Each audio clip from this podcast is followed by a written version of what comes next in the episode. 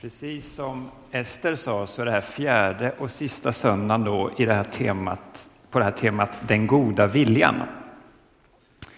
Eh, för tre veckor sedan så inledde Fredrik och la en slags grund genom att visa på hur, hur komplex och mångfacetterad vår vilja är. Det är inte så att vi bara vill liksom en sak, utan ibland är vi splittrade och liksom kluvna i vår vilja. Veckan därpå så talade Ea om hur Gud verkar i den här kluvna och mångfacetterade viljan. Det är som att Gud jobbar liksom i djupet av ditt hjärta för att hela och befria den här goda viljan. Ea hon utgick då från en vers i Filipperbrevet där det står då att, att Gud verkar just i vår vilja. Alltså vi är inte utelämnade, vi är inte ensamma i det här. Utan han är med oss och vill liksom bygga upp och hela oss inifrån. Förra veckan så tog Fredrik upp, lite röd tråd här som ni märker då. Va? Förra veckan då så tog Fredrik upp bland annat en viktig aspekt på hur, hur Gud verkar i vår vilja, vad han gör. Nämligen att han, Gud hjälper oss att försöka urskilja, så vi kan börja urskilja Guds vilja i vår vilja. Alltså vi kan lära oss att liksom successivt ratta in, kalibrera vår vilja efter Guds vilja. Och han utgick Fredrik från Romarbrevet 12. Och där finns det en uppmaning som handlar om att låta Gud förnya våra tankar så att vi kan avgöra vad som är Guds vilja. Så det är lite den röda tråden fram tills nu. Och idag så ska vi vidga perspektivet genom att, att sätta vår goda vilja i relation till det faktum att det väldigt ofta faktiskt blir på ett annat sätt än det vi vill.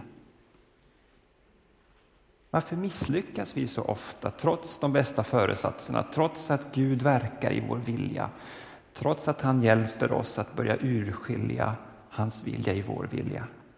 Varför blir det så fel så pass ofta? Så vi ska titta på, kan man säga, de yttre faktorerna som hindrar oss från att leva i enlighet med det vi faktiskt innerst inne vill. Och vi ska börja med att läsa en kort bibelvers, en väldigt kort vers. Och jag tror många skulle tänka att den här versen har väl ingen relevans för vår tid. Eh, men det tror jag faktiskt den har. Och jag vill sätta den versen som rubrik över den här predikan. Vi läser första Johannesbrevet 5 och 21. Den sista versen i den bibelboken. Och där läser vi så här. Mina barn, säger Johannes, var på er vakt mot avgudar. Och jag vet inte vad du får för tanke när du hör ordet avgud. Ehm, men jag tror inte du tänker på vår tid först och främst. Utan du kanske ser framför dig någon slags bild från antiken, va? där man liksom har en avgudabild, en staty och så böjer man sig, faller ner på knä inför den. Eller om du är liksom en van bibelläsare så kanske du tänker på eh, till exempel guldkalven i Sinai. Va? Eller fruktbarhetsguden Bal som det står så mycket om i Gamla testamentet. Eller berättelsen om Daniels tre vänner som vägrar falla ner och tillbe den här guldstoden och så blir de kastade i den brinnande ugnen. Så klassiska bibelberättelser om avgudar.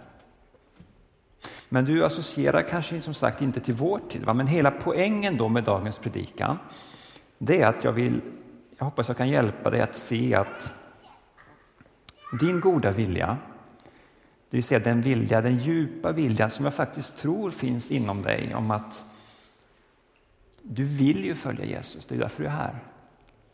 Den viljan, det, det fröet som den helige Ande har, har planterat liksom djupt i ditt hjärta. Den längtan, den, den motivationen, den djupa önskan att få vara en lärjunge.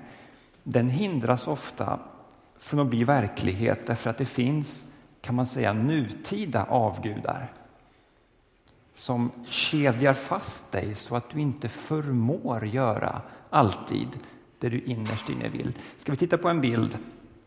Jag lägger fram den där bilden där. Alltså, Det är svårt att följa efter någon på en lång vandring om man ska dra på en sån där börda. Eller hur? Det hjälper liksom inte att man vill promenera långt. Det går inte när man ska dra på det där klotet. Och Det här tänker jag är en bra symbol på vad en avgud gör med oss. Den kedjar fast oss och gör så att vi inte förmår följa Jesus på det sätt som vi innerst inne vill. Det tar liksom stopp. Och om man har det så här så hjälper det inte med lite allmänt peptalk om att du måste vilja. Eller hur? Utan om man har det så här, för att man ska kunna följa och gå på en lång vandring, eh, så behöver man uppleva att Gud själv liksom klyver kedjan så att man kan sen göra det man innerst inne vill. Vad var det Johannes sa? Mina barn, var på er vakt mot avgudar. Och dagens predikan handlar då om att försöka ge ett konkret innehåll, ett nutida konkret innehåll till just den här uppmaningen. Alltså vad är det för makter som kedjar oss idag och som gör det svårt för oss att vara de här efterföljarna som vi egentligen längtar efter att få vara? Vi vill ju det. Det är därför vi är här. Så det jag ska göra nu är att jag ska namnge fem av vår tids mest framträdande avgudar. Och så kommer jag koppla ett bibelord till var och en av de här avgudarna. Och så ska vi se hur, hur församlingen är tänkt att vara en, en motbild till det här som avgudarna står för. Så, då drar vi igång. Den första avguden jag vill nämna är prestationismens avgud. Prestationernas avgud. Eller vi kanske kunde kalla det för görandets avgud, eller aktivismens avgud, eller stressens avgud. Känner du igen den i ditt liv? Den är väldigt stark i vår, i vår kultur och den får oss att må dåligt. Vi stressas av den, vi pressas av den. Vi springer fortare och fortare och så hör vi avguden så att säga, viska i vårt öra. Fortare, fortare! Du, du är vad du presterar. Du är vad du åstadkommer. Du måste vara duktig, annars är du inte värd någonting. Det viskar prestationismens avgud i vårt öra. Och jag tror vi alla känner av det här mer eller mindre. Eh, olika livsomständigheter. Eh, speciell, speciellt kanske barnfamiljer med det så kallade livspusslet känner igen det kanske speciellt väl. Eh, i Lukas 15 så finns en väldigt känd liknelse av Jesus. Liknelsen om den förlorade sonen. vi ska inte läsa hela den, utan bara en liten del. Men i korthet så bakgrunden, eller själva poängen då med liknelsen, är att det handlar om en kille som lämnar sin familj och så slösar han bort sina ärvda pengar. Och när han inte har några pengar kvar så måste han börja så att säga, jobba med att vakta svin och i den kulturen så var det väldigt förnedrande. Han sliter och kämpar och mår dåligt. Men till slut så bestämmer han sig för att okej, okay, jag biter i det sura äpplet och, och jag ger mig iväg hem igen. Jag återvänder hem. Så är han rädd för sin far. Hur ska han bli mottagen, han som har slösat bort allt? Men i alla fall, han vänder hemåt och det vi ska läsa nu, de korta verserna här, de är tänkta att förmedla en bild av vem Gud är.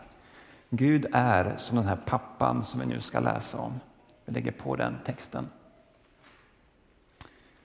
Och han gav sig hem, alltså sonen gav sig av hem till sin far. Redan på långt håll fick fadern syn på honom.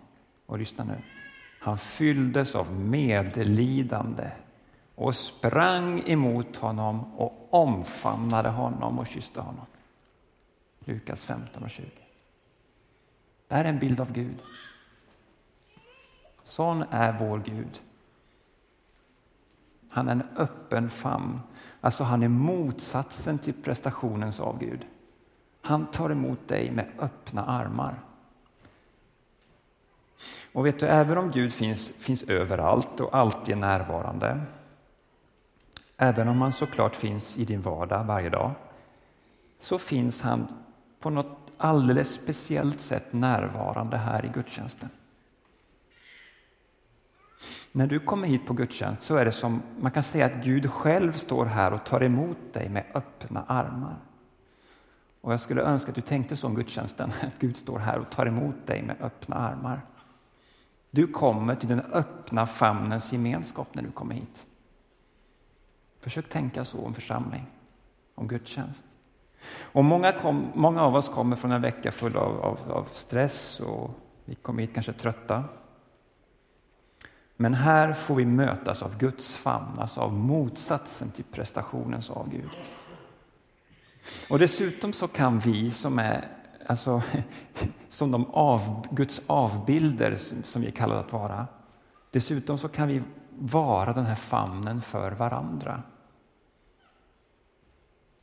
Vi är kallade att vara som Fadern i den här liknelsen, den öppna famnens gemenskap. Och när vi är det, då är vi tillsammans en levande protest mot prestationens avgud. Vi visar på ett alternativ, på något annat. Okej, okay, nu har vi kommit till den andra avguden. Konsumtionens avgud, konsumism. Alltså konsumerat, köpas av varor och tjänster. Det har ju folk gjort i alla tider. Va? Men i vår tid har konsumtionen på något sätt blivit en del av vår identitet. Att man, man är vad man har råd med. Och konsumismen, det är, som, det är som luften vi andas, den finns där hela tiden. Men vi lägger inte märke till det så mycket, den här avguden, förrän någon gör oss uppmärksam på den. Och den är så självklar för oss att när någon ifrågasätter den så kanske vi nästan blir provocerade. Alltså, tänker Jesus verkligen någonting om min plånbok eller mitt bankkonto? Ja, det gör han. Jesus pratar faktiskt extremt mycket om pengar. Och han ger till och med pengarna ett avgudanamn, mammon. Känner du igen det? finns i bibeltexten. Mammon, säger Jesus. Avguden, penningens avgud. Och som kontrast då till det, det här habegäret som hänger ihop med konsumismen så ska vi läsa en text från Filipperbrevet. Vad den här texten handlar om, jag ska man säga, det handlar om det mindset som, som Jesus hade och som, som därför är det mindset, det tänkesättet som vi som kristna bör eftersträva. Paulus han skriver så här i Filipperbrevet 2, vers 5-7. Låt det sinnelag, alltså det tänkesätt låt det sinnelag råda hos er som också fanns hos Kristus Jesus. Han ägde Guds gestalt men vakade inte över sin jämlikhet med Gud utan avstod från allt och antog en tjänares gestalt och han blev som en av oss. Alltså den bild som vi får här av Gud, det är en bild av en generös Gud. Eller hur? En Gud som klär av sig sin prakt och kommer och blir som en av oss. Och den generositeten, det är vår förebild. Så i en värld som präglas av liksom, du är vad du kan köpa, det är så viktigt i vår tid. I en sån värld så är vi kallade att generöst ge av det vi har och dela med oss. Så att vara, att vara med i en församling det är att, att vara med och liksom dela sina resurser med andra lärjungar så att man tillsammans kan göra avtryck i världen. Och det, det, här med att ge, det är inte bara en liten bisak för en kristen, utan det, det, det, är liksom, det är inte något du gör bara på marginalen. Nej, det är en central del av din tro. Och jag kan, jag kan höra lite eller fånga upp att det finns lite tendenser till att en del av oss säger så här att ja, jag ger av mina pengar men jag tycker att man lika gärna kan ge till något annat än till församlingen. Man kan ge till Amnesty och man kan ge till eh, Läkare utan gränser eller något sånt. För då vet jag vad pengarna går till. Och på ytan kanske det kan låta sympatiskt det där, men om man skrapar lite på den där ytan så tänker jag att det, eh, Det där förhållningssättet säger någonting om att man, man har inte fattat grejen riktigt, om man tänker så. Det är Amnesty och Läkare utan gränser jättebra grejer. Eh, men om du är medlem här så är den här församlingen inte en organisation bland många andra liksom, som du kan välja att stödja eller inte stödja. Utan församlingen det är mer som en familj. Och i en familj så delar man allt. Och församlingen det är den naturliga gemenskapen där du liksom kan kanalisera din generositet och liksom omsätta den i praktiken. Så jag skulle vilja uppmuntra oss att, att tänka över vårt givande, att minska vår konsumtion en aning eller kanske till och med mycket för att kunna investera i det som är väl, verkligen är värt något, Guds rike. Och om du nu sitter och tänker att jag bara tjatar om givande, nej, vad de håller på, eh, så ber jag inte om ursäkt för det. Eh, för det handlar faktiskt inte om i första hand om att vi vill säkra kyrkans budget, även om det också är viktigt såklart. Utan det här är en, liksom, en teologisk, andlig fråga. Eh, det är, ditt givande är en temperaturmätare på ditt andliga liv. På om du tjänar Gud eller mammon. Så när vi ger, som vi gjorde för en stund sedan i kollekten, eh, så är det en slags protest mot konsumismens avgud. För det tredje, individualismens avgud. Vi är väldigt individinriktade i Sverige. Eh, kan jag få upp på väg den här bilden från World Values Survey? Vi tar nästa. Den, ja. Den här bilden visades på Aktuellt, eller om det var eller det togs upp i alla fall på Aktuellt, eller om det var Agenda för några månader sedan. Och även i, i Skavlan för typ en månad sedan så tog Fredrik Lindström upp den här World Values Survey. Och längst upp till höger, långt, längst, längst upp, var varje prick är ett land där var på den här. Eh, och längst upp till höger har ni Sverige. Och det intressanta i det här sammanhanget då är att enkelt uttryckt, väldigt enkelt uttryckt, men man kan säga att ju mer högerut man är, eller ett land är på den här skalan, desto mer individualistiskt är det. Och var ligger Sverige? Det är så långt högerut man kan komma där på den bilden. Va? Ja, det är klart, forskaren i mig bör fundera på, det finns ju massa grejer man kan fundera på där, hur tillförlitligt det här är och så här. Men någonting ligger det säkert i det. Och i det här individinriktade samhället, där individualismens avgud dominerar, så ska vi försöka vara församling. Det blir krock. Vara församling i ett sådant samhälle. En av de bilder som finns i Bibeln eh, när det gäller församlingen, det är församlingen som Kristi kropp. Vi ska läsa lite längre avsnitt nu från första Korintierbrevet 12, vers 12 till 21. Det här är en genialisk bild på enhet och samtidigt hur olika vi än är så är vi ett.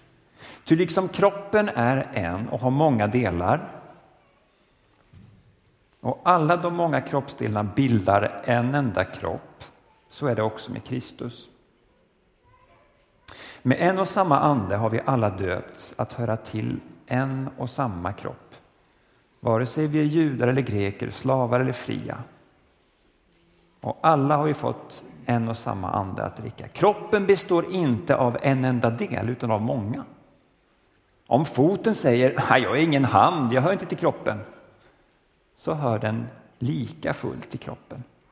Och om örat säger jag är inget öga, jag hör inte till kroppen, så hör det lika fullt till kroppen. Om hela kroppen var öga, vad blev det då av hörseln? Om allt var hörsel, vad blev det då av luktsinnet? Men nu har Gud gett varje enskild del just den plats i kroppen som han ville. Om allt sammans var en enda kroppsdel, vad blev det då av kroppen? Nu är det emellertid många delar, men en enda kropp. Ögat kan inte säga till handen, jag behöver det inte. och inte heller huvudet till fötterna. Jag behöver er inte. Alltså han drar det här, liksom. han tjatar om det, det är viktigt för honom. Vi hänger ihop. Vi hänger ihop. Att försöka vara kristen på egen hand, det är på ett sätt självmotsägande. För att vara en kristen, att tillhöra en gemenskap, en familj, ett folk. tar vi nästa, en gemenskap.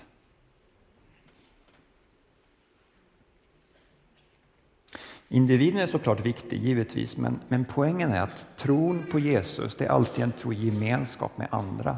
Och om du har svårt att acceptera det jag säger nu, så tror jag nog att du är mer påverkad av individualismens avgud än du själv kanske anar. Vi behöver hjälpas åt att avslöja vår tids individualism och leva som den här gemenskapen. Okej, för det fjärde. Nu kommer ett krångligt ord. Hedonismen. Hedonismens avgud. Bekvämlighetens avgud kan vi översätta det med. Bekvämlighet. Eh, det jag ska säga nu betyder inte att det är fel att vila och ta det lugnt. Eh, vilodagen det är ett kristet koncept.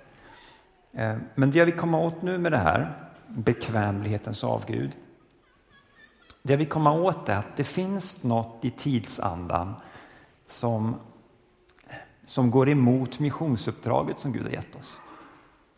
Det finns en struktur, ett sätt att tänka som håller oss bunden i vår egen bekvämlighet. När det i själva verket finns ett arbete att göra. Vi har ett uppdrag. Och därför ska vi läsa missionsbefallningen från Matteus 28. Och jag önskar nu när vi läser de här orden att du, du ska lyssna på dem, inte ur ett prestationsperspektiv utan mer som en förmån och en insikt om att du är del av något mycket, mycket större än dig själv och mycket större än din bekvämlighet. Så än en gång, det här är inte prestationens avgud som talar, utan tänk på den öppna famnen då i Lukas 15. Den Gud som tar emot dig i sin famn, han, han pekar faktiskt också på, på världen och så säger han gå till den här, värld, den här världen som blöder. Gå och se till att de också får höra att famnen är öppen. Ja, låt dem, låt dem få uppleva denna famn i och genom det du gör. Matteus 28, 19-20. Gå därför ut. Och det har du hört så många gånger förut, men lyssna på orden igen. Som om, försök sätta dig in i som att du aldrig har hört dem förut. Gå därför ut och gör alla folk till lärjungar. Alla folk. Döp dem i Faderns och Sonens och den helige Andes namn och lär dem att hålla alla de bud jag har gett er.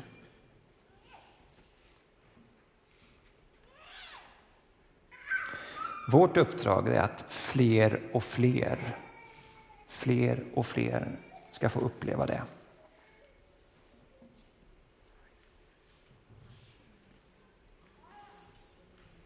Då har vi kommit till den femte avguden. Nationalismens avgud. Den har ju liksom gjort comeback i Sverige de sista åren. Eh, och inte bara i Sverige förresten, utan eh, du som hänger med i nyheterna, du kommer att känna igen det jag säger nu. Katalonien, Brexit, Marine Le Pens framgångar i franska presidentvalet, hon kom faktiskt tvåa. Utvecklingen i Ungern och Polen, AFD i Tyskland, Trumps America first-ideologi. Nationalismen är på frammarsch. Och som, eh, som kristen ledare i den här församlingen så vill jag på något sätt höja ett varningens finger för nationalismen som ideologi. För det är en maktstruktur, ett sätt att tänka, en avgud som kräver vår lojalitet.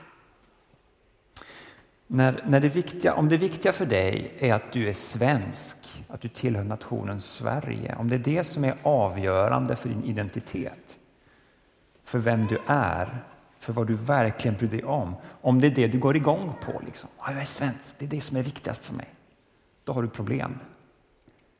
Då har din tillhörighet till Sverige blivit ett, en avgud. Och som kristna kan vi aldrig sätta något jordiskt rike, inte ens Sverige, ovanför Guds rike. Har du tänkt på att det är faktiskt så att du har mer, och det här är ganska radikalt att säga, men jag påstår att det är sant, att du har mer gemensamt med en kines i en underjordisk församling någonstans på landsbygden i Kina. Du har mer gemensamt med honom eller henne än vad du har med någon av dina grannar som inte känner Jesus.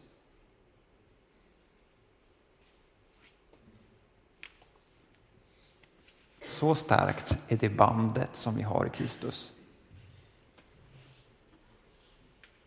Kung Jesus. Jag satte ordet kung väldigt medvetet för att markera det här med herravälde och Eh, nation, national, kontrasten till nationalitet eller nation. Ytterst handlar vår lojalitet om Jesus och inte om något jordiskt rike. Vad handlar det här om som sagt? Ja, men det jag försökt göra nu är att ge ett modernt och nutida innehåll till det här begreppet, det här bibliska begreppet av Gud som du kan läsa om så mycket i Bibeln. Och då har vi gått igenom fem strukturer, eller makter, eller krafter, eller avgudar, eller tankemönster. Kalla det för vad du vill. Men så fem, fem avgudar som är väldigt starka i vårt samhälle och som, som styr in våra tankar, våra beteenden och våra liv på spår som liksom leder bort från Jesus. De här de här ismerna de, de kedjar fast oss i beteenden som vi, som vi egentligen inte vill fastna i. Vi vill ju följa Jesus, men vi kan ändå inte komma loss. Eh, och tanken nu, avslutningsvis, det är inte att vi ska gå här och vara deppade liksom, och, och bara frestade att slänga in handduken. Tvärtom. Kan lägga på nästa bild. Vi går tillbaka till den där, precis. För grejen är att när vi förstår att de här avgudarna finns och att de på något sätt håller oss fångna, att de kedjar fast oss så att vi inte kan följa, följa Jesus på det sätt som vi innerst inne vill. Ja, då kan vi, det är ju då vi kan börja be Gud om hjälp att klyva de här kedjorna. Kom Gud, kan vi be. Kom Gud och befria mig. Hjälp mig att, att leva och vara fri. Kom och klyv de här kedjorna, ta bort dem.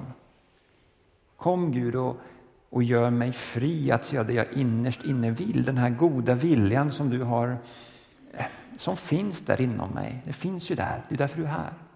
Du skulle inte vara här om du inte ville följa Jesus. Den här goda viljan, befria den så att jag kan göra, så att jag kan följa. Ta bort de här kedjorna. Så kan vi be och så kan du be idag. Och dessutom då så kan vi hjälpa varandra, stötta varandra, peppa varandra, utrusta varandra. Så det här är ingen deppig predikan, tvärtom. Det är en befrielsepredikan. Res dig, räta på ryggen. Acceptera inte de här kedjorna som binder dig, utan öppna dig nu. Vi ska gå in i förbönstund om en liten stund. Öppna dig för Gud och be honom klyva de här kedjorna. Individualismens kedjor som hindrar dig från att se den vackra tanken med församlingen.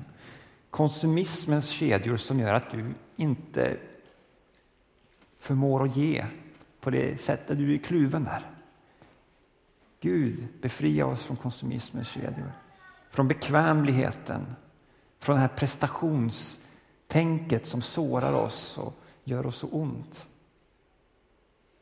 Från nationalismens kedjor som kedjar oss fast i någon slags vi, vi, vi. På ett felaktigt sätt. Du kan idag få känna att du kan lämna det där.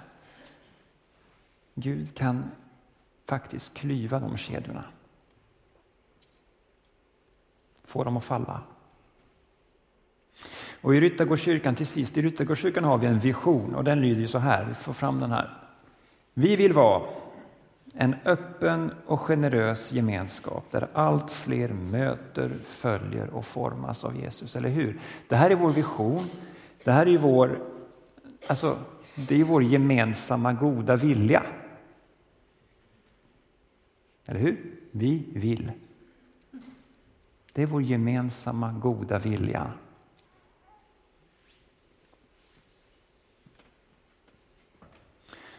Och då finns det en väldigt parallell mellan det här och det jag har pratat om. Ska vi ta nästa bild? Det här är vad jag pratar om. Och då vill vi vara en öppen och generös. Nästa. Gemenskap. Där allt fler möter, följer och formas av Jesus. Det. Vi tar nästa bild. Alltså vår vision som församling, det är en protest mot vår tids avgudar. Vi vill vara något annat än det som de här avgudarna står för.